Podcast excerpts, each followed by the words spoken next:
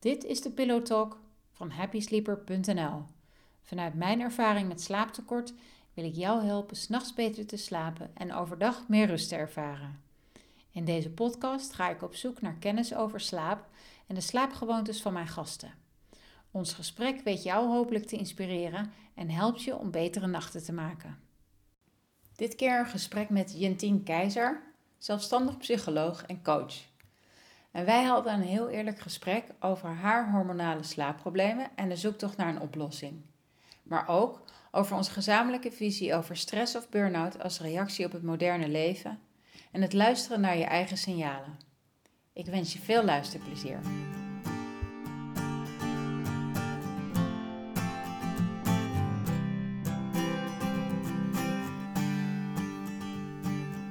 Welkom aan mijn eettafel.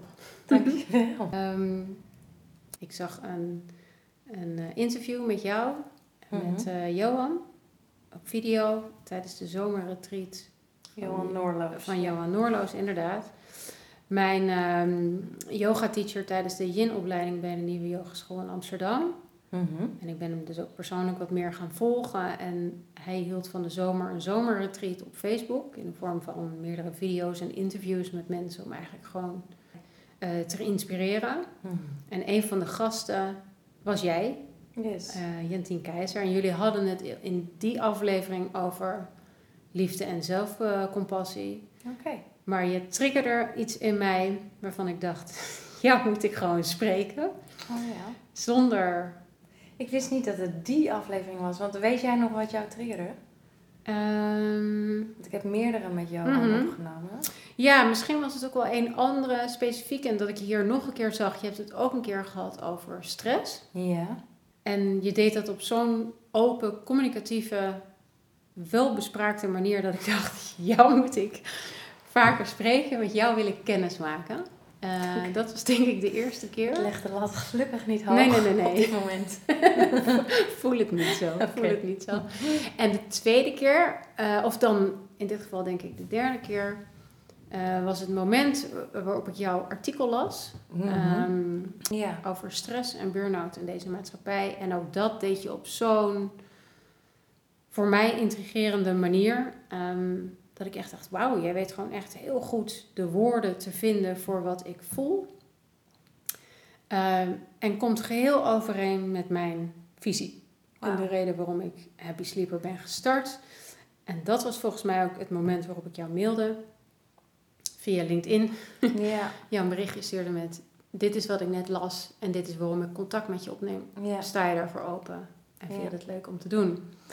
Dus vandaar dat je nu bij mij aan tafel zit. En vandaar dat wij al meerdere malen ja, op elkaars energie zijn ingetuned. En misschien is dit dan ook een mooi moment um, om even zelf toe te lichten wat je doet in het dagelijks leven. En um, wat jouw visie dan is. Dus de aanleiding eigenlijk voor dit gesprek en het artikel. Het veel besproken ook en gelikte en gedeelde artikel wat je hebt geschreven. Ja. Nou, dat kan ik wel, denk ik. Ik, um, ik werk voornamelijk als um, zelfstandig psycholoog. En dat betekent dus uh, één op één met mensen, therapie uh, of coaching, counseling. Dat zijn allemaal woorden voor, maar één op één met mensen. Ik heb een praktijk aan huis. Maar ja, ik, als je me vraagt van, goh, wat, wat ben je? Ik voel me wel meer dan alleen uh, psycholoog ik, vind het gewoon heel mooi om, om te onderwijzen. Dus, dus, en, en om kennis te delen, visie te delen. En dat doe ik door middel van uh, lezingen en uh, schrijven. En, um, ja, en mijn visie, nou ja, ik, ik denk dat ik, waar, waarom, ik heb een artikel geschreven inderdaad. En dat heet uh, Stress of Burn-out is um, geen ziekte, maar een hele gezonde reactie op ons moderne leven wat ik geloof is eigenlijk dat, dat, je, dat wij als mensen heel, heel gezond zijn. Ik ben ook voor mezelf gaan werken omdat ik niet geloof dat uh, het ons helpt om heel veel labels of diagnoses op mensen te plakken. Maar om te gaan kijken van goh, wat, wat dient ons en wat dient ons niet. Want jouw lichaam, jouw geest, jouw hele systeem geeft continu allerlei signalen over ehm, ja, hoe je leeft en je houding en je gedachten en, je, je, hoe je je leven invult. En als dat afwijkt van een bepaalde norm, dan noemen we dat een ziekte. Maar daar geloof ik helemaal niet in. Ik geloof dat het een heel helder signaal is van je systeem die zegt: hé, hey, eh, ik ben gezond, maar je houding is ongezond. Of je denkwijze is ongezond. Of je leven of werkwijze uh, dient je niet meer. Nou, dus ik draai het eigenlijk helemaal om. Dus ik zeg ook altijd als mensen bij mij komen dat ik ze niet ga diagnosticeren, maar ga feliciteren. Want je systeem werkt feilloos als je een ziekte krijgt, een geestelijke ziekte. En moet ik meteen wel even bij zeggen dat het niet geldt voor iedere geestelijke ziekte. Ja. Ehm, want ehm, eh, waar, waar ik me voornamelijk mee bezig hou zijn de hele milde, milde varianten van stressgerelateerde ziekten, zoals depressie, slapeloosheid, angst, ehm, nou, heel veel burn-out. Maar er zijn ook echt natuurlijk allerlei klinische en pathologische uh, ziekten. Maar dat is dus niet per se waar ik het nu over heb. Nee. Nee. En wat is de eerste reactie van mensen als jij zegt, uh, bij wijze van, uh, ik ga je niet diagnosticeren, maar feliciteren? Dat doe je ongetwijfeld op een andere, op een andere manier. manier maar zeg ik, nou, eigenlijk zeg ik wel altijd van, ik, er is niks mis met je.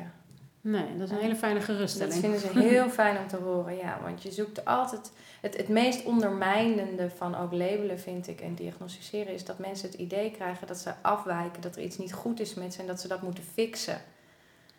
Ja. En het, je kan uiteindelijk wel hetzelfde gaan doen. Dus, hè, dat je een andere... Dat, dat je allerlei oefeningen of technieken of tools... Uh, cognitieve uh, aanpassingen doet, bij wijze van... Maar het idee dat je dat doet dat je ergens voor bent in plaats van tegen, uh, is een heel andere, andere, andere uitgangspunt. Ja. Je? Dus je kan, als je, als je iets weg wil krijgen, kan je gaan protesteren of je kan demonstreren hoe je het wel wil. Nou, ik zit meer in. Dat laatste. Ja, waar, waar vraagt je lichaam nou om? Dus wat wil hier gebeuren in plaats van hoe krijgen we het zo snel mogelijk opgelost? Ja. Ja. ja. En als je nu kijkt naar die. Um, oorzaken hè, dan van stress in de maatschappij. Je, je, je, je hebt in het artikel, en ik ga hem erbij pakken, want je hebt een paar echt ontzettend scherpe alinea's volgens mij geschreven. En ik denk dat voor het gesprek is het misschien wel leuk als ik gewoon een deeltje voorlees. Tenzij je het uit je hoofd kunt reproduceren. Nee, niet. dat altijd in een vlaag van verstandsverbijstering. Kan je, heb je een hele scherpe pen, denk ik. Um, we zijn niet geschikt voor onze moderne leefstijl, hoe graag we dat ook willen. Ja. En dit is ook precies de zin waar ik uh, volledig op aanging. Er is een gigantische mismatch ontstaan tussen on onze fundamentele bio- en psychologische mechanismen en ons hedendaagse leven. We zijn er niet voor gebouwd om hele dagen binnen op een stoel te zitten. Hierdoor hoopt ons lichaam vet op en leidt ons brein onder het gebrek aan natuurlijke gelukschemicaliën. We hebben frisse lucht, beweging en niet resultaatgerichte bezigheden nodig um, voor rust en herstel van onze organen en vitale functies. Nou, holla die ik, ik stond op de banken toen ik dat las, omdat ik dacht, ja, de reden voor happy sleeper. Yeah. Um, we zijn er niet toe uh, op gerust om alle prikkels die we te verwerken krijgen zelfstandig te filteren. Ons brein kan niet anders dan op alles alert te zijn, omdat onze hersens geloven dat we hiermee onze overlevingskansen vergroten super lief van ons brein, maar onze hersenen zijn in zichzelf niet in staat onderscheid te maken tussen de piepgeluiden van een volstromende inbox of geritsel in de bosjes van een potentieel roofdier. We zijn er eenmaal behept met een brein dat nog niet zo heel veel verschilt van toen we nog als half apen met elkaar over de savanne zwierven. Ja. Nou, dat is voor veel mensen denk ik ook niet nieuw. Nee, zeker niet. Uh, behalve dan dat weten één ding is Mhm. En er vervolgens aan doen, iets aan doen twee is. En als je dat van het individu verwacht, mhm. In een maatschappij die dat totaal eigenlijk niet ondersteunt, dan wordt het je wel heel lastig gemaakt. Ja. En dat is denk ik waar we elkaar heel erg uh, kunnen vinden. Ja. Wat was jouw reactie op alle reacties die je kreeg op dat artikel? Ik kreeg er stress van. Ironisch genoeg kreeg ik er stress van. Er was één, en kan ik ook wel vertellen, er was één avond dat mijn vriend, man, thuis kwam. En ik zat met tranen in mijn ogen achter, de, achter mijn laptop naar de berichten. Want ik probeerde ze van van onderaan, eh, mijn inbox, van onderaan probeerde ik de antwoorden, dus de berichten te beantwoorden. En van bovenaan stroomde het vol. En je denkt in het begin, oh, dit is eigenlijk best wel cool dat dit gebeurt. Maar op een gegeven moment dacht ik, ik, ik voelde alsof er enorm aan me getrokken werd. Iedereen die, die, die wilde, wilde er, ja, wilde iets met je of, of, of daar ook iets over vertellen. En wat je heel de, meteen voelt is van, oké, ik moet hier iets mee. Ik moet hier iets mee doen. En, en, en nou ja, mijn antwoord was ook om een, een soort collectief op te gaan richten. Nou ja, daar ben ik heel erg zoekende in. Naar ook van, want ik moet dit er allemaal naast doen. Hoe, ehm, hoe doe ik dat op een manier die gepast is en, en bij mij past en waar ik mijn eigen rust ja. Eh, in, in bewaak. Want nou, dat is misschien ook wel een mooie brug naar wat, je, wat, ik, wat ik probeer te zeggen en wat jij net ook zei, van, hè, dat het heel lastig is om dat te bewaren in, die moderne, uh, in het moderne leven van ons. We worden constant, worden we extern, extern getrokken door uh, onze sociale verplichtingen, door ons werk, door onze digitale prikkels. Je wordt de tijd uit jezelf getrokken, zou je kunnen zeggen. Maar wanneer een mens natuurlijk in balans is, is hij dan als het ware naar buiten gericht is en dan weer naar binnen gericht. En dan weer naar buiten en dan weer naar binnen. We missen tijd om, om naar binnen gericht te zijn en, en te voelen wat betekent iets voor mij? Wat, wat, hoe reageert mijn systeem hierop? En dat systeem, in tegenstelling tot de buitenwereld fluistert veel meer en die buitenwereld schreeuwt. Ja. Dus die trekt veel sneller en makkelijker je aandacht.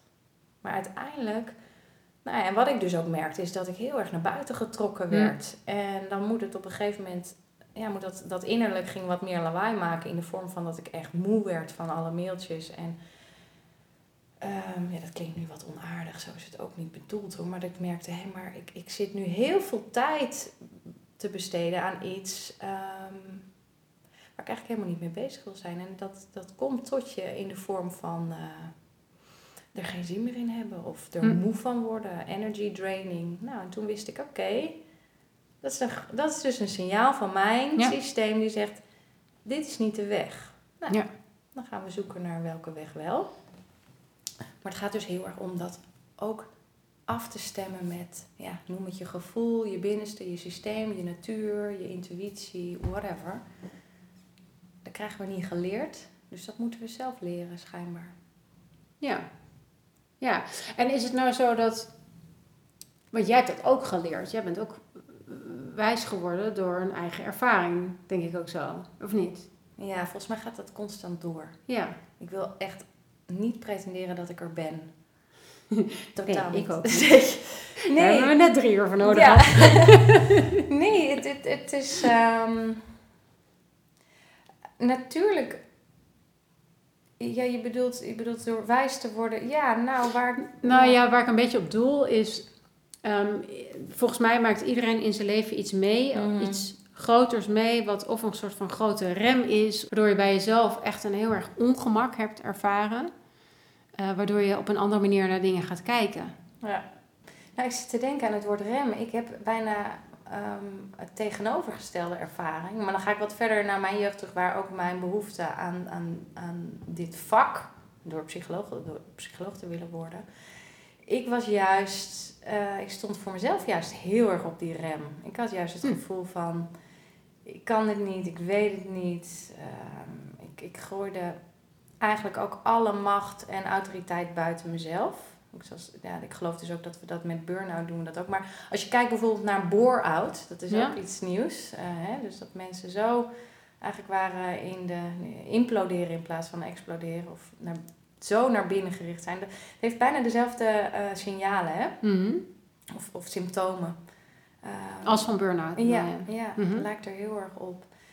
Um, dus dan, dat is eigenlijk ook op een, een, een ongezonde manier met je eigen uh, systeem omgaan. Door het, door het te weinig te voeden en te mhm. weinig. Daar kun je ook ontzettend lusteloos van worden en depressief en, en angstig en gestrest. En, nou. Mijn ervaring was het mezelf klein houden mondde op een gegeven moment uit in, in, op, in zo, ja, hoe zeg je dat? Eh, werd op een gegeven moment zo extreem dat ik dacht, ik kan nu twee kanten opgaan. Of ik ben eeuwig degene die uh, hè, met mijn pootjes in de lucht op mijn rug blijft liggen, wachten tot iemand anders in me gaat geloven. Of ik kan nu zelf in, me, in mezelf gaan geloven. Maar het kreeg, ik kreeg hem dus niet op de rem, in de zin van dat ik te overactief was. Nee, mhm. het ging meer over dat ik eindelijk die, ja, een, een soort reality check met mezelf had van... Um, ja, en dat was in de vorm dat ik een gesprek van mijn ouders opving. Ik was vrij jong hoor. En die dacht van, nou, dit, we geven het een beetje op. En, en dat kunnen ze zichzelf ook helemaal niet herinneren. En ik neem ze dat ook niet kwalijk. Maar voor mij was het een moment dat ik dacht, hé, hey, wacht even. Hm. Als zij nu denken dat ik, dat ik zo aangelegd ben en zo in elkaar zit. En dat, dat, dat, dit, dat dit het enige is wat erin zit. Nou, dat was zo'n wake-up call voor mij. Omdat hm. ik echt voelde, no way. Tuurlijk niet. En toen ben ik dingen heel anders gaan doen. Ja, toen ben ik ook echt gaan lezen over de kracht van onze gedachten. De, wat, wat zijn emoties? Hoe werkt het? Uh, ja, een soort zelfhulp, uh, landontdekking. Of vrij jonge uh, leeftijd is ook al, of niet? Ja, ik denk dat ik 19 was of zo. Oh, ja. Mhm. ja. En het was toen ook vastbesloten om psycholoog hm. te worden en dus psychologie te studeren. Nou, ik zeg ook wel eens, die kennis daarvan is voor het grootste gedeelte een beetje ja, weerlegd. Of uh, ja, ik weet niet of dat nou de grootste basis is geweest voor, voor het werk dat ik nu doe.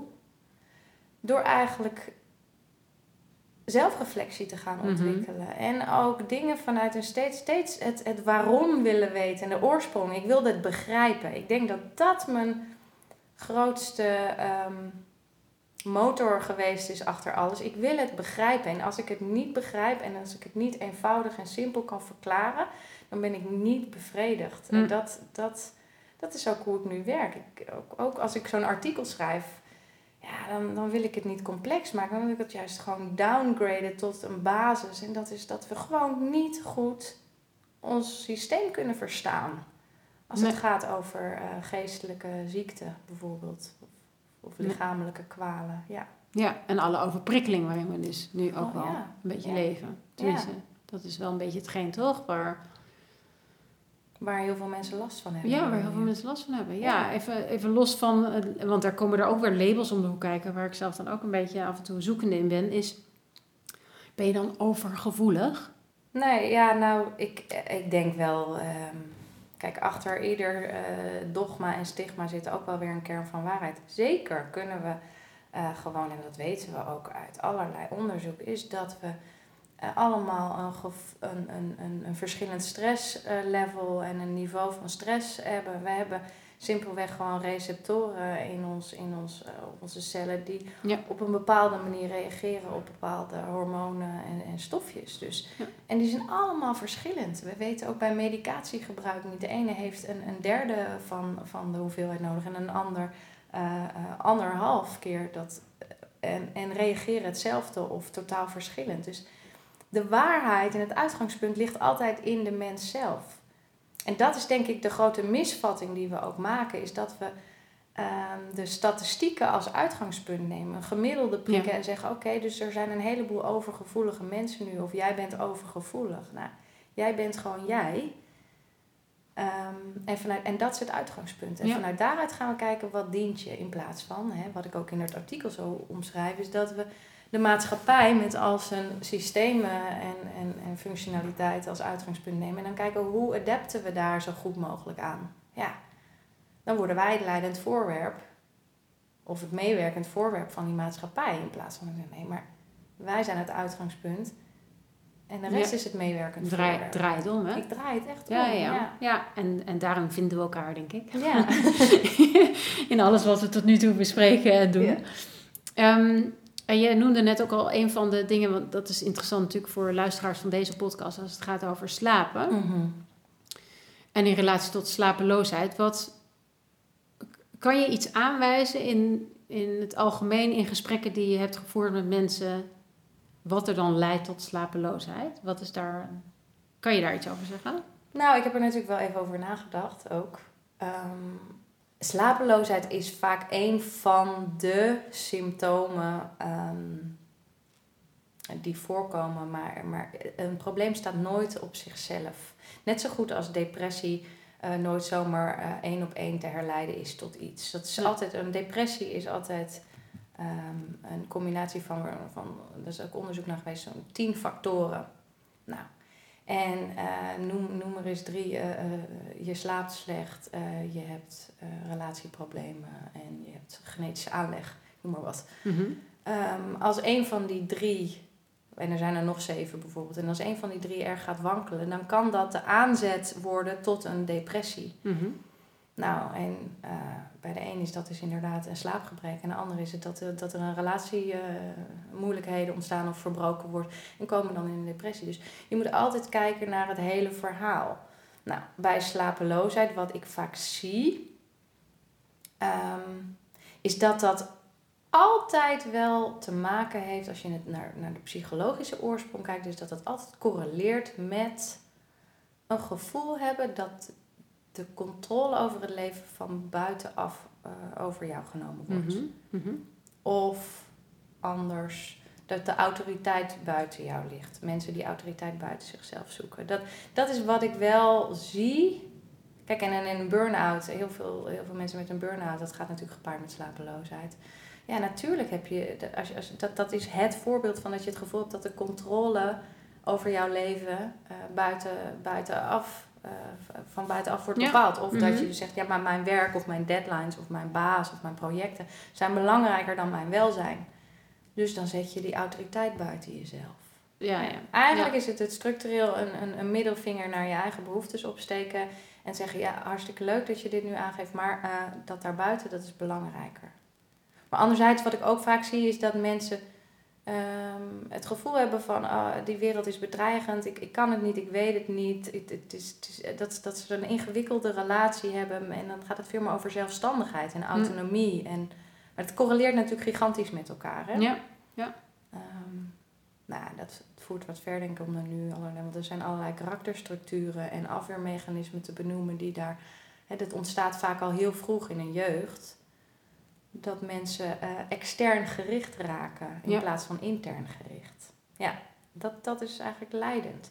En, en slapen is natuurlijk bij uitstek. Uh, ja, daar hadden we het al over. Ja, hè? ja, je overgeven en loslaten. En vertrouwen op je eigen systeem die wel voor je zorgt. Als je, als je moe bent, dan val je gewoon in slaap. Dat is verder allemaal niet zo ingewikkeld. Nee, vraag maar eens aan een goede slaper. Waarom slaap je zo goed? Ja, dat is er niet mee bezig. Nee. Die vertrouwen erop. Ja, ik doe gewoon mijn ogen dicht en dan ga ik. En dan eh, ga ik, ja. Juist dat hele doen, wat op dat slapen komt te liggen. En dat is ook wel wat ik zelf heb ervaren, ook bij mezelf. Onder andere bij mezelf, maar ook bij cliënten. Is dat, dat het een soort prestatie bijna wordt als je goed slaapt. En dan wordt het een activiteit. Terwijl het veel meer iets met... met uh, het heeft veel meer iets met laten te maken. Ja. Want je weet ook nooit het moment dat je in slaap valt. Want dat is precies het moment dat je stopt met al het Ja, weg. En dan valt alles weg. Ja, dat klopt. Maar het gaat over zelfvertrouwen. Het vertrouwen dat ik me kan overgeven. Dat ik de controle kan loslaten en dat het dan oké is. En als die controle of die autoriteit buiten jezelf ligt, wordt dat heel lastig. Ja. Nou ja. ja, ik vind het wel mooi dat je dat zo omschrijft. Want dat is ook tevens mijn ervaring geweest hoor. Ja?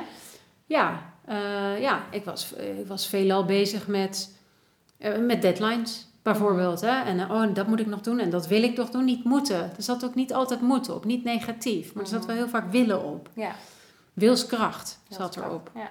En, um, het is heel erg actiegericht allemaal. Ja, ja. ja. ik zat altijd in de do-modus eigenlijk. Ja. En... Um, en dat, en dat stopte. En de gedachten over wat ik wil, nog wilde doen, de to-do-lijstjes, zeg maar, dat was altijd eindeloos. Mm Zo stopt een werkdag toch ook nooit. Nee. Maar de kunst is natuurlijk om dat vertrouwen te hebben. Dat op het moment dat de dag in dit geval eindigt voor jou om, nou, voor mij in dit geval vaak nu om tien uur, maar dat mm eindigde voorheen veel later. Mhm. En dan was ik over een bepaald punt al heen en dan ging ik weer aan. Ja. Ja. Vond ik het heel moeilijk om in slaap te vallen. Ja. En vervolgens, wat me ook vaak overkwam, is s'nachts wakker worden. Mhm. En dan je, me weer niet kunnen overgeven aan de slaap. Want dan keek ik naar de wekker. En dan zag ik vier uur, vijf uur. En dacht ik, oh nee, ik ben nog zo moe. Ja. Maar ik heb nog maar twee uur. En dan, hup, dan ging ik weer aan. En dan ging, kwamen er allerlei to-do's eigenlijk weer voorbij. Dus ik vond dat overgeven aan iets. Maar ook het vertrouwen dus hebben in morgen is er weer een dag. Mhm, mhm. Alle clichés zijn waar wat dat betreft. Morgen is er weer een dag en dan beginnen we gewoon weer opnieuw. Niet letterlijk, maar wel met andere energie, nieuwe energie. Soms kijk je naar, anders naar een aantal, di- aantal dingen. Ehm, en letterlijk eh, over spannende dingen of eh, belangrijke dingen of beslissingen die je moest nemen. Letterlijk de tekst slapen maar eens een nachtje over. En je brein eigenlijk gewoon de ruimte geven, de mogelijkheid geven om zelf die oplossing te bedenken op het moment dat jij gewoon slaapt. Mhm, mhm. Ja, dat vond ik heel moeilijk om dat los te laten. En Ja. ik, ik denk dat het daar heel erg ging bij mij over controle.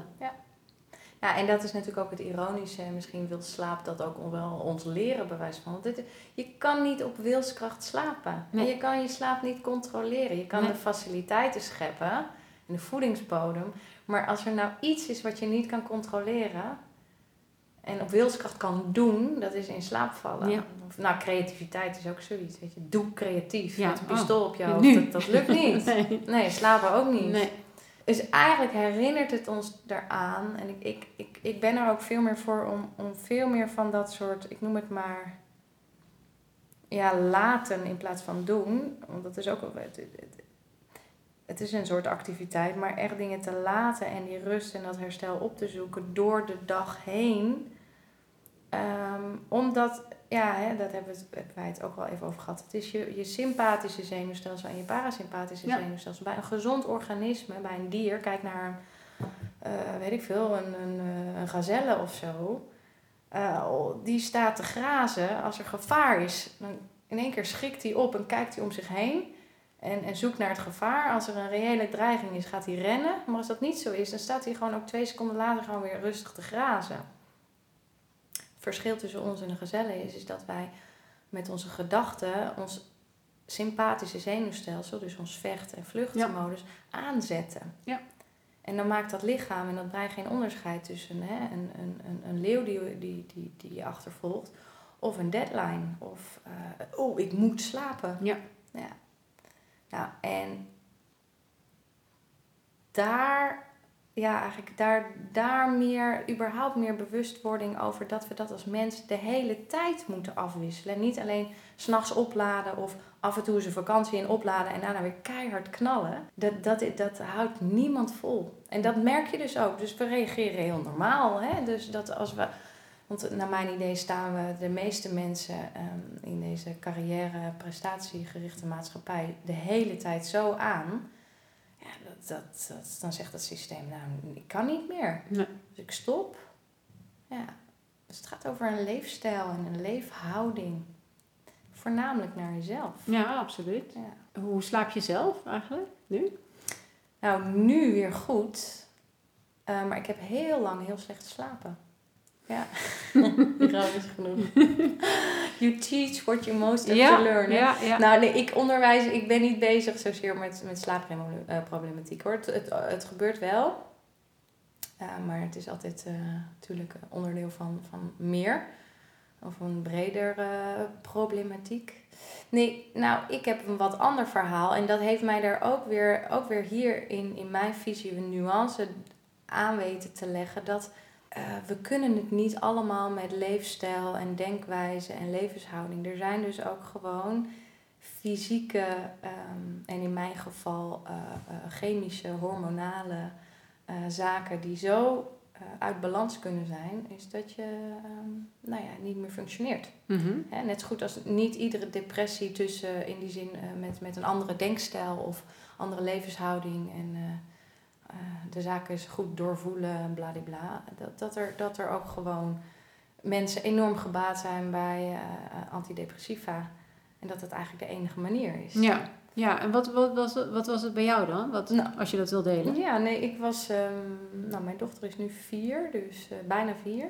Dus ehm, vier jaar geleden plus negen maanden begon dat. Ik eh, achteraf, ehm, wat, wat, wat, wat de artsen denken, is dat je eh, wat ze noemen een hormonale depressie, of in ieder geval.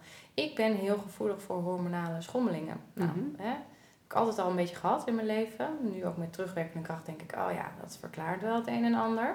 Maar zwanger zijn is natuurlijk sowieso een eh, hormonale achtbaan. Nou, en ik reageerde daar ja, heel slecht op. Als in, ehm, ik heb eigenlijk negen maanden voornamelijk liggen overgeven.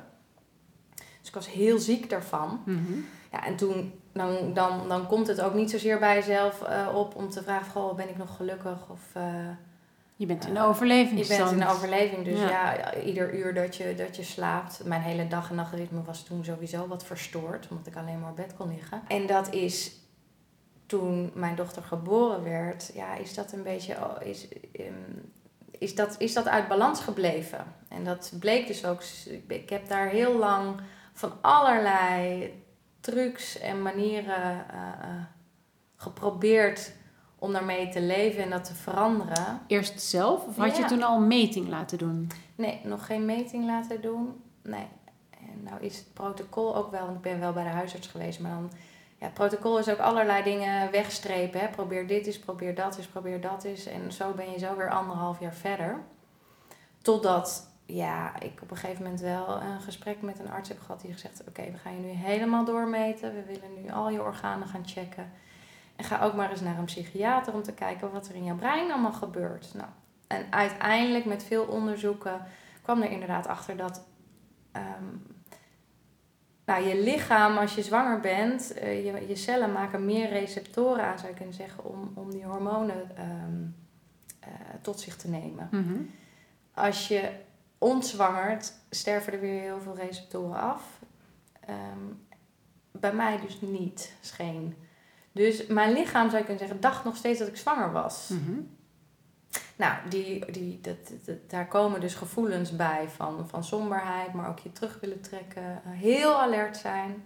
Hè? Nou ja, denk aan die, aan die eerste weken ook van je, van, van na, net na de geboorte is dan, hè, dan je, je wil alles heel goed doen, je wil het controleren, je wil, je wil er grip op hebben en je bent heel erg op dat nest gericht. Nou, dat dan heel lang. Hm. En op een gegeven moment raakt alles in de war. Dus ook echt je hele dag- en nachtritme. Nou hielp het denk ik ook niet mee dat ik negen maanden borstvoeding heb gegeven. Dus ook daarin s'nachts er vaak uit. Nou, ik was helemaal, Helemaal op. helemaal op. En hormonaal gewoon niet hersteld of niet weer teruggekeerd naar mijn normale staat van zijn. Hm. Ja, en dan... eh, Dus ik was ontzettend opgelucht dat dat op een gegeven moment ontdekt werd. Al vond ik het ook enorm lastig om te accepteren van... Oh, eh, je hebt, ja, noem het een hormonale depressie of een postnatale... prenatale- Weet je, ook al die labels boeien niet zoveel. Maar hormonale schommelingen kunnen dus blijkbaar... ehm, depressieve klachten, slapeloosheidsklachten, somberheid, nou, dat Ja. dan niet meer. Nou, en daar zat ik in. Maar ik voelde me wel een beetje, ja, zeg dat ik, ik maak voor de grap wel eens aan dat het de dikke diëtist was. Hè? De depressieve psycholoog. Dat is gewoon... Dat kan natuurlijk niet. Nee, dat kan echt niet. Nee, Nee. dus ik denk ook dat dat niet meegeholpen heeft aan het Nee. eh, eh, overgeven en echt het onderzoek echt daadwerkelijk doen. Ik dacht, dit gaat mij gewoon wel lukken. Ja. Sta je ook weer heel erg in de prestatiemodus. Ik dacht ook, dit ga ik fixen. Ja. Ik ga dit probleem fixen. En dit was voor mij ook een hele diepe buiging naar het leven en een soort nederigheid van, oké, je, je denkt dat je wat weet, maar zoveel weet je dan ook nog niet. Het doet ervoor zorgen dat ik heel genuanceerd ben gaan kijken en heel, heel sensitief daarop word. En ook mijn beeld op medicatie en dat soort zaken ben. Ja, nou, ik, het is niet dat ik op tegen was, maar ik geloofde wel in eh, de kracht van eh, ons zelfhelend vermogen. Maar ja. En, want eh, toen kreeg je dat labeltje eigenlijk. Mhm. Ehm, dus dat gaf één eh, moeite een beetje met acceptatie daarvan. Ja, dat was heel, heel kort hoor. Maar toen Ja, kon ik maar- me ook heel maar- snel aan overgeven. Toen dacht Maar ik, wel heel logisch, toch? heel logisch. Ja, maar Ja. ik denk, met, het heeft niet langer dan een paar dagen geduurd. En toen kon ik al voelen, oh wauw.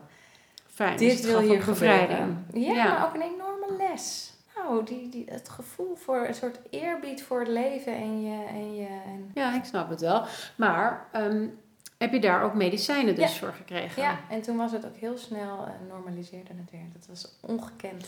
En was Dus dat een bepaalde periode eigenlijk? Ja, Of is ja. dat nu iets nog wat je eh, nu slikt? Nee, er is, eh, ik, nou, ik ben op meerdere sporen gaan zitten. Dus en en reguliere medicatie. Maar ook alternatieven eh, om, één, eh, regulier om gewoon dat slaapritme weer op te pakken. Hè? Dus om Wat- wat kreeg je dan? Vanuit de meer eh, alternatieve hoek, dus vanuit de homeopathische hoek, kreeg ik Lucol. En dat, is, ehm, nou, dat schijnt dus ook vrouwen te helpen bij die heel veel last hebben maandelijks van die terugkerende sombere periodes Mhm. tijdens hun menstruatie. Want die zijn er dus schijnbaar heel veel. Die iedere maand, een week er helemaal af liggen. Ehm, en en dat, dat zorgt ervoor dat die, hormonen, dat, ja, dat die hormoonhuishouding ehm, weer meer stabiliseert en normaliseert. Mhm. Nou, dat heeft me enorm geholpen. Hm. Ja, maar dat neem ik nu niet meer. Nee. Nee. Nee. En, maar je hebt je natuurlijke ritme dus weer gevonden. Ja, ja, ik denk het wel. En wat is jouw natuurlijke ritme? Nou, vroeg naar bed. Ik, ja, ik ben, ik, eh, nou, maar dat is echt sinds mijn, ik ben denk ik een avondmens, maar sinds dat mijn dochter er is en het onvoorspelbare karakter van eh, de ochtenden. De nachten. De nachten en de ochtenden, ja. Ja. Eh, Tien uur naar bed en rond zeven, zes, ja. Of maar soms is het ook ineens vijf uur, hè. Maar, en ik moet je zeggen dat ik daar eerst best wel streng op zat met mezelf, maar ik merk nu, en dat vind ik ook lekker, dat je dat ook weer gewoon wat kan loslaten. Mhm. Maar ik moest echt van 10-0 achterstand eh, Weer opbouwen bij- eigenlijk. Ja, ja, en dat is relatief nog helemaal niet zo lang geleden. Dat was afgelopen voorjaar. Dus Mhm. ja, er komt zo'n punt in je leven dat je denkt... ja, volgens mij eh, ben je er wel weer wat dat betreft. Ja. En wat heb je toen gedaan? Ben je toen echt heel erg gaan zoeken naar eh, inderdaad vaste regelmaat? Omdat je zei, ik hield er heel erg aan vast. Dus inderdaad vroeg naar bed en... Nou, wat mij eigenlijk... en dat boekje heb ik net ook even aan je meegenomen, Ja. voor je meegenomen. Ja, dat is leuk. Ehm, ehm, dat is van Meadows. Meadows. Ja. Het is een onderzoeker en ehm, volgens mij is hij ook psychiater of psycholoog. Weet ik niet zo. Fysioloog staat Fysioloog, hier. Het boek heet, dat is misschien wel even goed Ja. om te benoemen, van Dr. Guy Meadows. Zo kom je af van je slaapproblemen. Slaap als een roos. Ja, Baanbrekende methode van een slaapexpert ja, en fysioloog. Ja. ja. Nou, en wat mij heel erg in hem aanspreekt, en ik heb het eh, op aanraden van een, ehm, een hele goede psychiater ehm, eh, met wie ik af en toe eh, spar over zaken. Ook dit keert het hele paradigma weer even om. En ja, dan, dan vind ik het meestal ook weer heel boeiend worden. Dus daar, daar komt mijn, Daar ga je op aan. Mijn ja, daar gaan we ga ik helemaal op aan. Mijn wens om dingen te begrijpen. Eigenlijk zegt, zegt hij in dit boek... Alles wat we ervoor proberen te doen... Dat is het probleem van de slapeloosheid. Dat houdt ons weg bij die slaap. Ja. Hè? Ik weet echt dat ik aversie voelde. En een soort... Je dacht, dat kan niet. Ik dacht echt, ja, maar als ik dit loslaat... Dan, nou, dat zullen vast veel mensen ook herkennen. Als je dat loslaat, dan, dan is het helemaal het einde zoeken. Ja, zo voelt het dan. Zo voelt het dan. Ja, dat herken ik ook nog wel. Maar dat ja. zegt eigenlijk al hoe ongelooflijk je in de controlemodus zit met betrekking tot die slaap. Ja. En Ja. wat hij ook zegt, ieder, iedere gezonde slaper is helemaal niet bezig met zijn slaap. Nee, Die gaat gewoon voelen wanneer hij moe is of niet eens, die denkt er niet eens over na. Die gaat gewoon naar bed en gaat liggen en doet zijn ogen dicht. Ja, ja, maar ik denk dat wel een heel groot deel, en dat, dan grijp ik even terug op het begin van het gesprek alweer, Mhm. is de overprikkelende maatschappij waarin Ja. we nu zitten, waarin we 24-7 aanstaan, dat we verleerd zijn, en daar komen we bij onze gezamenlijke visie, Ja. maar verleerd zijn eh, om te voelen, letterlijk ook, wanneer is het tijd om te Ja. gaan slapen. Ja, ja. En dat is, dat is, eh, naar mijn idee in ieder geval, zo'n ondergeschikt onderwerp. Het gaat, het gaat uiteindelijk gaat slapen natuurlijk over 24 uur. Mhm. En niet over die 8 uur alleen in de nacht. En als je slecht slaapt, dan gaat het dus ja. ook over de dingen die je overdag doet. Dus de maatschappij waarin we nu leven, heeft ons eigenlijk verleerd om te voelen wanneer het tijd is om naar bed te gaan. Dus jij geeft net een heel mooi voorbeeld over, ja, eigenlijk goede slapers, die denken daar niet over na. Die gaan naar bed wanneer ze moe zijn. Mhm. Mhm. En dat is iets wat, als je kijkt naar eh, mijn vorige leven, zeg maar, Mhm. als niet-ondernemer, Mhm. wa- wa- wanneer, wanneer, waar ik voor mijn gevoel dus minder vrijheid had, vrijheid had en minder keuze had om te kiezen wanneer werk ik wel en wanneer werk ik niet, omdat ik moest voldoen aan een aantal deadlines die buiten mijn macht lagen, Mhm. dan ga je leveren naar behoeften. Ja. Dan ga je leveren naar prikkels die jou worden gegeven. Ja. En dat is waar we volgens mij met z'n allen, of waar heel veel mensen in ieder geval in zitten. En dan niet meer luisteren naar het signaal van moe zijn. Dus het, dat Nee, voorbeeld. het is nooit genoeg. Dat, dat, Nee. En daar kun je dus vanuit gaan. En daar gaan we ook in het begin van het gesprek ook zeggen. Als je de autoriteit buiten jezelf legt. Als je, als je ervan uitgaat of als leidraad neemt wanneer het genoeg is. Dan wel voor je werkgever of de, of de samenleving. Of, of... Kijk, we zitten in die zin. Ik, ik las daar net ook eh, iets over het woord aandachtseconomie. Mhm. Onze aandacht is geld. Dus er, er wordt non-stop gehengeld naar onze aandacht. Ja. Non-stop. Zeg je maar allergisch van? Ja, ik althans. Ja, gelukkig wel. Ja. Maar blijkbaar moet je eerst helemaal uit jezelf getrokken worden om eerst te voelen dat, dat aandacht iets is wat je dus moet bewaken. En dat is vrij nieuw, ja. Dat is vrij nieuw. Dus dat moeten we leren mee omgaan. Maar dus echt te voelen van hoeveel aandacht heb ik ook voor mezelf nodig? Hoeveel tijd heb ik nodig om te lummelen? Me-time, weet ja. ik veel. Gewoon echt ja, niet niks doen, maar gewoon zijn. En, en, en we denken dan dat op onze telefoon zitten en s'avonds het Netflixen, dat het ontspannend is. Maar voor je brein is dat net zo hard werken. En daar is nog te weinig kennis en begrip over. Dus, dus, en, en het voelt alsof we ontspannen. Maar er is feitelijk geen ontspanning. Nee, maar ik vind het wel lastig hoor. Want er zijn zoveel onderzoeken. wetenschap wordt. wordt ik, ik weet niet zo goed. Wetenschap kijk ik af en toe een beetje naar met zo'n oog van: oké, door wie wordt die wetenschap nou eigenlijk bepaald en betaald? Ja, zeker. Ja, dus als het nou gaat over onderzoeken die naar voren komen over: ja, wat doet eigenlijk het uh, gebruik van je telefoon met je? En mhm. vooral ook onder jongeren wordt dat nu mhm. ook onderzocht. En dan het ene onderzoek zegt: uh, niet goed, blauw licht, waar, waar ik heel erg groot voorstander en aanhanger van ben de prikkeling die je ook net aangeeft over op je emotionele brein. Mm Het zitten voor een televisie en letterlijk eigenlijk je een beetje afsluiten van wat jij werkelijk nodig hebt. Want je wordt weer geleefd door externe prikkels. Mhm.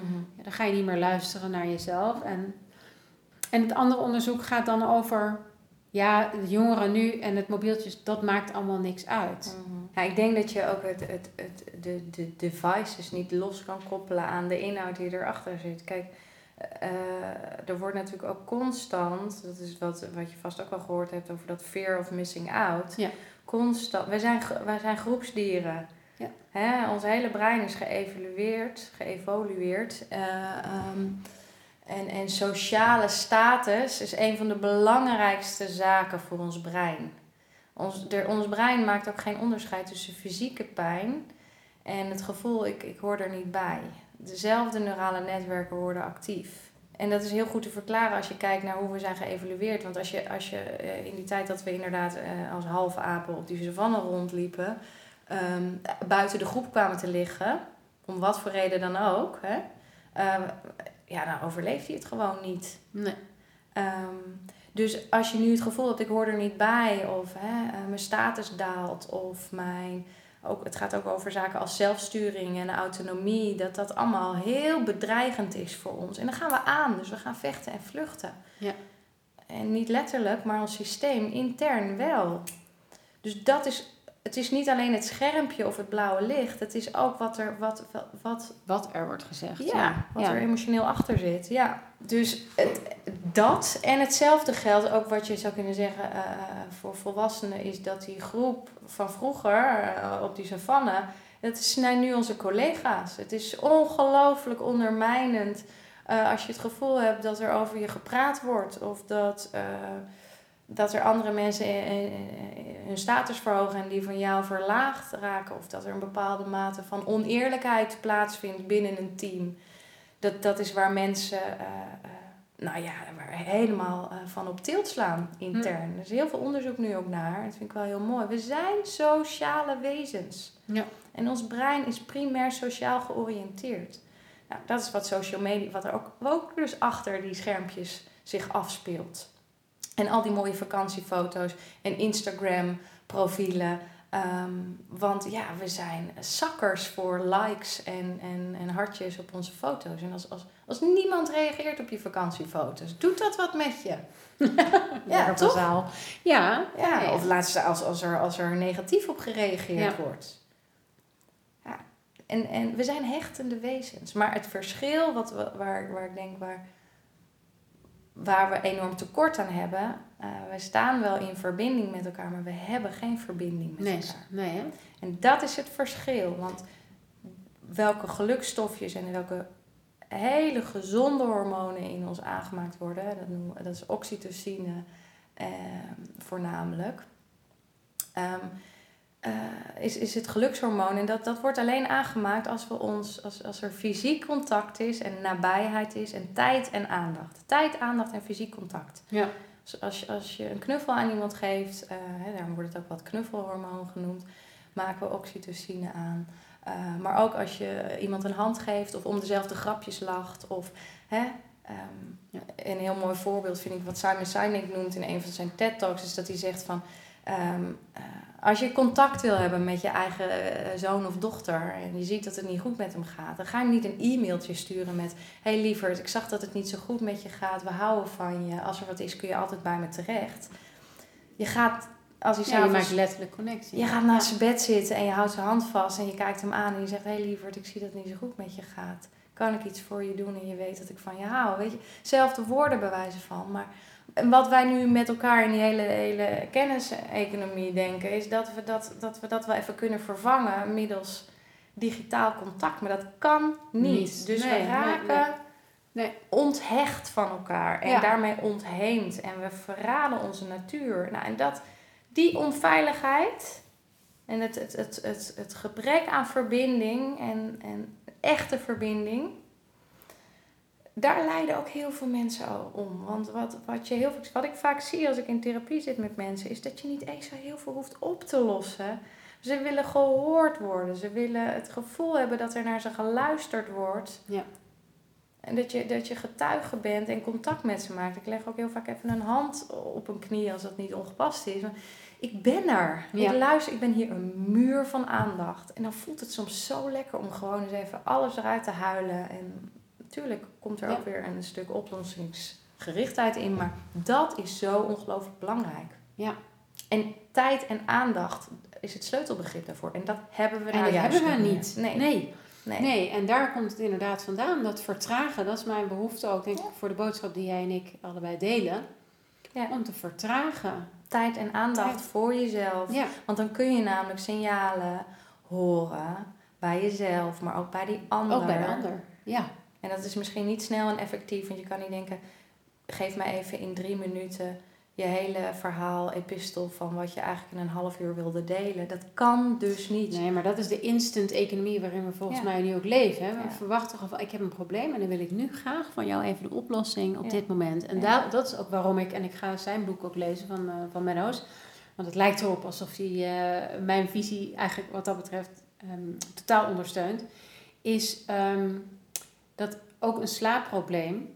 Ga je niet oplossen. Ga je niet oplossen met dingen. Nee, of nog meer buiten jezelf. Nee, nee, dat is ook hetgeen wat ik totaal heb moeten leren. Ja. Maar ik was ook totaal de connectie met mijn eigen lichaam kwijt. Ik wist niet meer wat mijn lichaam zei over uh, hè, dat buikpijn of onrust die ik letterlijk voelde in mijn borst. Iets zei over de stress waarin ik zat. En dat ik dus inderdaad dat gas terug moest nemen. Ja. Mocht nemen. Ja. Ja, letterlijk. En je moet wel. En dat, dat is ook wat een burn-out of overspannenheid of een depressie. Het dwingt je tot vertragen. En eigenlijk is het je lichaam die dus aan de noodraam trekt. Zegt, oké, als je niet wil luisteren... Ja, moet je als je niet kan luisteren, omdat je het gewoon niet meer verstaat door alle herrie om je heen. Want hij fluistert constant. Ja. Ja, dan moet je voelen, want het is het enige middel dat ik nog heb om, om, om met jou in, in contact te komen. Dus het is een heel vriendelijk signaal, maar ja, dat kan wel heel hard zijn, omdat het anders niet werkt. Maar ik geloof dat we kunnen leren als we de tijd en aandacht nemen. Eén, natuurlijk verbetert dat de, de relatie die je hebt met de mensen in je omgeving. Als je daadwerkelijk tijd en aandacht aan ze schenkt. Ja. Dus telefoon weg, stop multitasken, luister, wees nieuwsgierig, wees betrokken, ga niet zenden, ontvang. Gewoon ontvang. Wees muren van aandacht. Maar als je dat ook naar jezelf doet. Want dat is eigenlijk, die behoefte ligt er, ligt er nog veel dieper achter. Is dat alles wat we willen zo graag, die, die verbinding met die ander. En de tijd en aandacht met die ander. Maar nog veel harder willen we het van onszelf. Eigenlijk zit er gewoon een heel klein meisje in jou en mij. En een klein jongetje in iedere man. Die zegt, hé, hey, hé, hey, luister. Of geef me af en toe wat aandacht. En, en dat je daar als het ware als een zorgzame ouder ook naar jezelf kijkt en luistert van hé, hey, waar heb je nou echt behoefte aan? Je bent eigenlijk bang, hè? Je bent bang dat je er niet toe doet. En daarom werk je zo hard. Ja, ik hou van je. Weet je, dat, ja, het klinkt zo, maar dat is wel ook wat ik zelf, zelf doe bij mezelf. Als ik merk dat ik destructief patroon of zo bij mezelf, door, uh, ik noem maar wat, heel, heel geïrriteerd of veroordelend misschien te zijn, of, of gehaast, of een, een druk op werk bij jezelf te leggen. Dat ik kijk, wat, wat is de behoefte die hierachter ligt? Of wat is de angst die hierachter ligt? En gewoon naar, dat, naar dat kleintje in jezelf te gaan. Oh, je bent eigenlijk heel bang dat je er niet toe doet. Of eigenlijk voel je je helemaal niet gehoord. Hè? En daarom word je zo kritisch op je partner. Want eigenlijk, ik luister. Ja. En dat helpt. Enorm. Gigantisch. Ja, dat geeft zo'n bevrijding. En het mooiste is dat je er dus niks buiten jezelf voor nodig hebt. Nee. En dat vind ik het, het, dat is wat ik tracht te doen met het werk. Dus niet allerlei externe hulpmethodieken weer buiten iemand te plaatsen en zeggen: Oké, en als je dit doet, dat doet, dat. Nee, gewoon terug naar jezelf. Wat is de behoefte achter de behoefte, achter de behoefte, achter de behoefte? En uiteindelijk kom je tot de kern. Ja. Het is altijd iets wat je jezelf kan geven. En dan is begrip over hoe je apparaat werkt. En begrip ook van hoe je brein werkt. En snappen wat er gebeurt. Kijk, dat je daarop anticipeert. Als ik een gebroken been heb, dan ga ik ook niet naar een homeopaat. Ik snap hè, wat, wat er voor nodig is. Dus begrip is zo ongelooflijk belangrijk. Ja, en de ruimte ook geven dus dan. Ja, tijd en, aandacht. Ja, ja. ja, het is echt het sleutelbegrip. Maar dat is precies dat waar, waar, we, waar, ik, waar wij ook ja. naartoe willen. Is dat er meer tijd en aandacht is. Ja, absoluut. Maar ja, dat raakt weer een ander onderwerp. Wat groter is dan alleen maar tijd en aandacht en, en, en een muur van aandacht zoals jij dat geeft. Of een workshop over slapen en kennis overdragen. En dan wel oefeningen geven om uiteindelijk te komen tot rust. Want dat mhm. hebben mensen gewoon nodig. Ze hebben handvaten nodig om er ergens te komen. Maar dat raakt een ander groter onderwerp. En dat is eigenlijk de winstmaximalisatie waarin we als maatschappij ja. uh, zitten, volgens mij. Die kon, nou ja, dat, dat eigenlijk heeft onze maatschappij en ons hele, alle systemen, ons hele paradigma gaat over meer, sneller, effectiever, groter. Ja. En niets, maar dan ook helemaal niets in de natuur. Hè, wat ik ook altijd schrijf, waar wij gewoon ook onderdeel van zijn, zijn wij. We zijn net zo goed een organisme dat onderhevig is aan natuur, natuurwetten. Hè, de zwaartekracht geldt voor iedereen. Homeostase, hè, dat is balans, in een organisme, geldt voor ieder organisme, meercellig organisme. Wij ook dan is er een, een cyclus, een, een, een in- en uitademen, een op en neer een, eh, van, van groei en uh, ja, terugtrekken of uh, groei en sterven. Of, hè. Nou ja, daar, daar willen wij niet aan. En, en, en dat klinkt nu ook alsof je dan, hè, ik wil ook niet vervallen in een soort tegen de maatschappij. Want het is niemand in het specifiek die dat doet. Maar we houden het met z'n allen in stand. En niemand, dus het gaat over bewustwording, omdat we merken, hé, hey, dit dient ons niet. Die progressieve, groeiende winstmaximalisatie nastreven. Nee, het dient ons zeker niet. Een mooi voorbeeld in de praktijk zag ik daar ook van gisteren volgens mij nog op het nieuws. Hè, dat die studenten, ik weet niet hoe de studenten in Nederland verder nu actie voeren even een zijstapje, maar mhm. de studenten in België, heb je mhm. gezien dat ze er echt met duizenden tegelijk aan het protesteren waren. Vanwege het feit dat wij in Europa natuurlijk zeggen we moeten voldoen aan bepaalde afspraken voor het klimaatakkoord. Mhm. Maar jullie luisteren niet en nu gaan we met z'n allen de straat op. Jongeren. Ja, mooi, dus er is al iets gaande. Ja, ja. Maar zo zie je dat eigenlijk iedere grote kentering, als het nou gaat in ons paradigma, als het gaat over rassenhaat of over een Berlijnse muur die omvalt. Of, uh, hè. Dat is niet, uh, het zijn niet een paar mensen geweest die in één keer opstonden en dachten: hé hey joh, we gaan iets anders doen. Nee. Dat is, zijn allemaal kleine druppeltjes die in één keer een soort ja. ja. collectief bewustzijn dat we in één keer ah, maar dit kan toch gewoon niet meer. Daar, daar zitten we middenin. En dat is gewoon wakker worden en kritisch kijken. Dat is naar mijn idee vooral wat er nodig is. En, en maar ook dat vergt tijd en aandacht en rust. Want anders ben je alleen maar bezig met die deadlines. En op microniveau uh, alles te managen wat er te managen valt. En, en, en heel vaak als ik met cliënten bezig ben, dan... Hè, ik, ik kreeg drie weken geleden geloof ik nog iemand bij me die zei... Ik, heb, hè, ik schreef er ook iets over op LinkedIn. Ik heb een burn-out. Kun je zorgen dat ik daar over een paar weken van af ben? Want dan moet ik weer aan het werk. Nee, dat kan ik niet. Nee, want... De, er ligt een hele vraag achter, namelijk uh, hoe wil jij leven? Als je zo wil blijven leven, ja, dan kan het wel, maar dan wordt het dus hè, hollen en stilstaan, hollen en stilstaan, hollen, totdat je lichaam het begrijpt. Maar als je dan van, ja, hoe wil ik duurzaam met mezelf leven en, en hè, waarvoor ben ik hier? Dus dan ga je eigenlijk heel veel stappen terug, terug naar de tekentafel van je leven. Van, wat is de bestaansreden van, van mij? en dan kom je, en dan kom je eens op een punt van, oké, nou, hoe richt ik mijn leven dan in? En vervolgens, wat ga je daar dan aan doen? Maar we zitten voornamelijk met elkaar heel erg op, op wat, wat moet ik allemaal doen, wat moet ik allemaal doen, wat moet ik allemaal doen, om mezelf snel, überhaupt snel. bestaansreden te geven. Ja, ja. ja, en ook snel. Snel, ja, tuurlijk. ja. ja, want dat is ook nog zoiets. Dat, dat, dat denk ik ook echt. Kijk, die technologie en ook die economische ontwikkelingen, die gaan wel heel snel. Maar evolutie, dus hoe ons brein ontwikkelt en hoe ons hele zenuwstelsel dat gaat helemaal niet zo snel. Dus we kunnen nee. dat niet bijbenen. Dus iedereen moet voor zichzelf, en ik denk dat dat, dat vind ik ook zo belangrijk. Er is niet één mens. We hebben allemaal zelfde soort mechanismen, maar hoe die zijn afgesteld, hè? Ja, dat is... Het, hoe ik op hormonen reageer. Ja. Dezelfde hoeveelheid hormonen als uh, nou ja, een van mijn beste vriendinnen, die echt fluitend door al haar zwangerschappen heen gaat en niks zo makkelijk vindt als zwanger zijn. Dan denk ik, ja, Waar ligt dat nou aan? Het, het, is niet intelligent om naar de buitenwereld te gaan kijken als het gaat over vragen hoe moet ik leven en ook niet hoe moet ik slapen. En is niet intelligent. Je moet naar je eigen gebruiksaanwijzing kijken en, en vooral voelen wat dient me en wat dient me niet. En heel sensitief worden op de signalen die je krijgt. En dat, dat is wel, zou ik zeggen, een competentie aan zich. En als je nu kijkt, want we hebben het gehad natuurlijk over jouw eigen ervaring met betrekking tot slapeloosheid en wat jij nu hebt gedaan. We hebben het gehad over ehm, wat je veelal tegenkomt in je praktijk. Mhm. Dat het dus niet alleen gaat over de nacht, maar specifiek ook over andere behoeftes. Wat, wat speelt er eigenlijk nog meer aan de andere mhm. kant, waardoor jij niet zo goed kunt slapen. Maar als je nou toch mag gaan kijken naar uh, een handvat, dus niet zozeer een doel, maar wel een middel om mensen Ehm, ja, te helpen om beter te slapen. Als ze dus merken van hé, hey, ik vind het heel erg lastig om dingen los te laten s'avonds. Mm Heb jij dan een tip?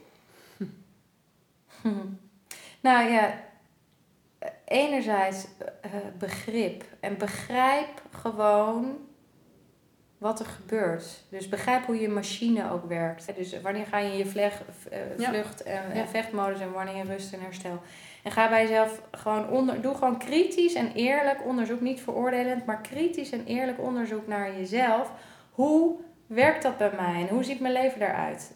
Uh, en, en kijk dan van wat zijn, wat zijn de, de, de, de oorzaken en de triggers waardoor ik dus aanga. Want de ene kan wel koffie drinken s'avonds na het eten en de ander niet. Onderzoek dat gewoon. Ja. En laat vooral los wat je wil dat het is, of wat, je, wat, je, wat andere mensen zeggen hoe het is. Maar ga gewoon eens heel experimenteel onderzoek bij jezelf aan uh, van hoe werkt mijn apparaat? Op die manier geef je jezelf wat tijd en aandacht en ga je ook openstellen voor veel subtielere signalen. En als tweede zou ik dan zeggen, ehm, pak daar ook je autoriteit. Wees dan ook echt je eigen autoriteit en ga wat, wat, wat ik nog steeds soms moeilijk vind, is om echt uh, hè, aan te geven als ik uh, met mijn familie op vakantie ben en iedereen gaat uh, pas om 12 uur naar bed. Dat ik me niet een partypoeper voel als ik zeg om kwart of half tien eigenlijk. Ik wil nog een half uurtje lezen, want ik wil om tien uur slapen. Dat ik niet. Hè, dat blijft op een of andere manier een soort zwakte. En het zit allemaal bij mij hoor, voornamelijk. Um, dat soort dingen. Ga, ga ervoor staan wat je ontdekt. En wees daarmee dus ambassadeur voor jezelf en voor je eigen slaap en voor je eigen ritme. Maar dat geldt net zo goed voor eten en drinken als je voelt van hé, ik moet eigenlijk wat meer of minder van dat. En probeer die sociale druk minder um, leidend te laten. Ook in werk, maar ook sociaal. Uh, en, en wees ambassadeur voor jezelf. Of wees een verzorgende ouder. Je zegt, mijn kind is gewoon sensitief. Die moet om zeven uur naar bed. Terwijl eh, Henkje op de hoek eh, kan prima tot, uh, tot negen uur eens een keer van, ach, het is weekend. Nee, maar mijn kind ligt er dan drie dagen af. Weet het. En, en, en het, we vinden het zo makkelijk als we dat voor. Als we, ik, ik, wat ik heel vaak doe is mensen inbeelden of, of, of kennis laten maken met dat kleintje in zichzelf. Want dan zijn ze zoveel zachter. Want wat als je naar, naar een klein kind, als ik mijn dochter, als ik boos op haar ga worden, ik zie haar vallen op haar knietjes en ik zeg, nou, viel best mee, joh. En uh, ik zag die hoek waarvan je viel, dat kan niet hard geweest zijn. Hè? Nou, huil maar even, maar dan wil ik echt wel dat het binnen drie minuten over is, want we, hè, we moeten weg en we moeten nog dit, dit, dit, dit. Nou ja, weet je, alleen al als ik het als ik het überhaupt in die toon begin, dan wordt het één groot drama. Maar we doen het wel naar onszelf. En dat is zo raar. We kunnen niet zacht zijn voor onszelf en, en, en daarmee niet eerlijk en kritisch. En dat vind ik echt heel belangrijk, denk ik, dat we dat leren. Jij bent het. Jij bent de autoriteit. Ja. En dat zijn eigenlijk wel hele mooie afsluitende woorden. Ja, hè? Want ik weet anders dat wij nog uren... Ja. Kunnen, nemen we er nog klok, een Ja, we, gaan, we gaan de klok voorbij, zeg maar. Met alle dingen die we nog uh, van plan zijn. Ook vandaag nog voor ons gezin. Ja. En uh, we moeten die balans weer even terugpakken nu. Of althans de, Lijkt me goed. de tijd. Dus ik wil je heel erg bedanken. Voor in ieder geval deze opname. Maar ik, nou Wordt ja, er gaat, er gaat nog meer komen. Ja, lijkt me leuk. Ja, Zeker. dus uh, was fijn. Dankjewel. Jij ook.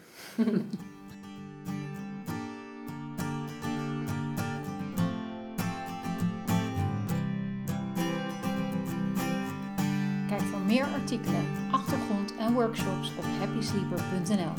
Met je ogen dicht een groter geluk bereiken.